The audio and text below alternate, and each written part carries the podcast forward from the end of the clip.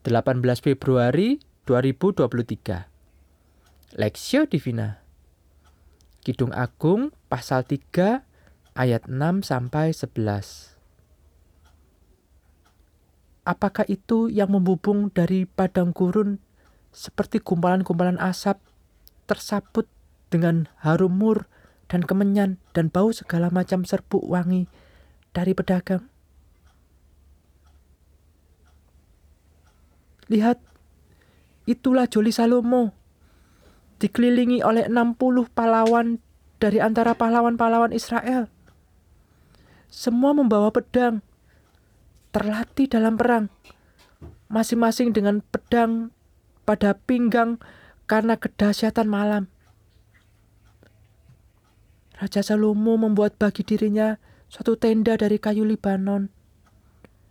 Tiang-tiangnya dibuatnya dari perak, sandarannya dari emas. Tempat duduknya, tempat duduknya berwarna ungu.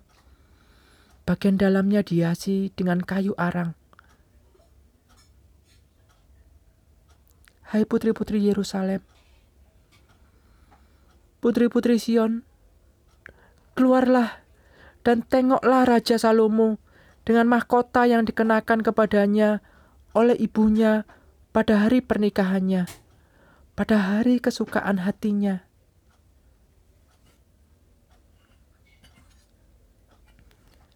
Menghampiri mempelai perspektif. Apakah itu yang membubung dari padang gurun seperti gumpalan-gumpalan asap dan bau segala macam serbuk wangi dari pedagang? Lihat, itulah Joli Salomo, dikelilingi oleh 60 pahlawan dari antara pahlawan-pahlawan Israel pasal 3 ayat 6 sampai 7. Pada masa kini kita jumpai berbagai tata cara orang menikah sesuai adat istiadat budayanya masing-masing daerah. Semua itu adalah gambaran keindahan dan keseriusan pernikahan yang mengikat dua pribadi dalam institusi pernikahan. Pada daerah tertentu, pernikahan bisa berlangsung beberapa hari.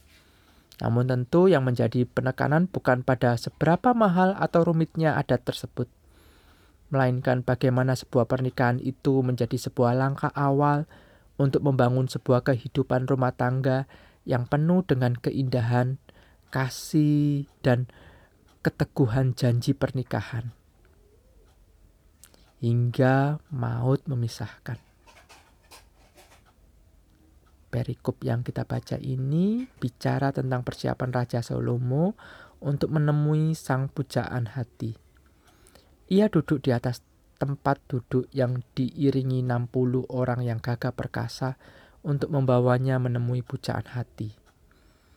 Demikian indah dan serius seluruh persiapan pernikahan ini menjadi sebuah gambaran keseriusan serta keindahan relasi dua pihak yang hendak mengikat janji.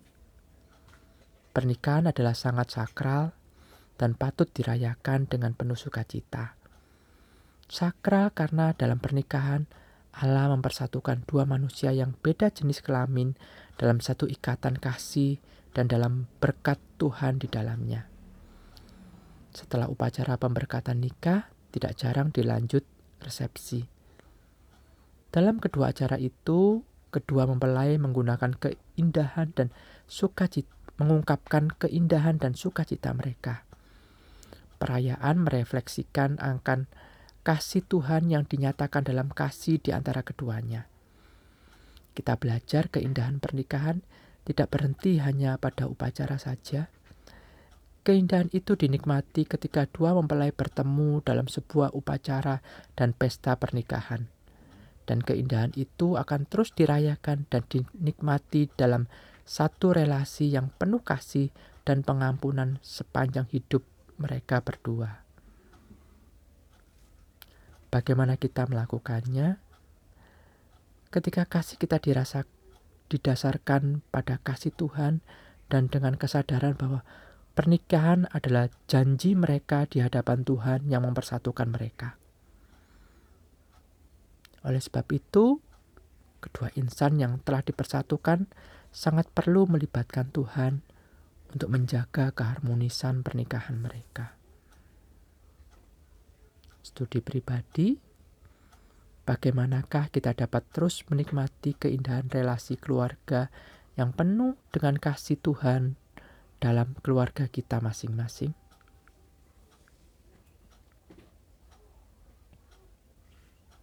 Pokok doa, berdoa bagi gereja Tuhan, supaya lebih mempersiapkan setiap pasangan yang berencana membentuk keluarga. Bagi generasi muda agar memiliki cara pandang dan kesadaran yang benar tentang arti pernikahan.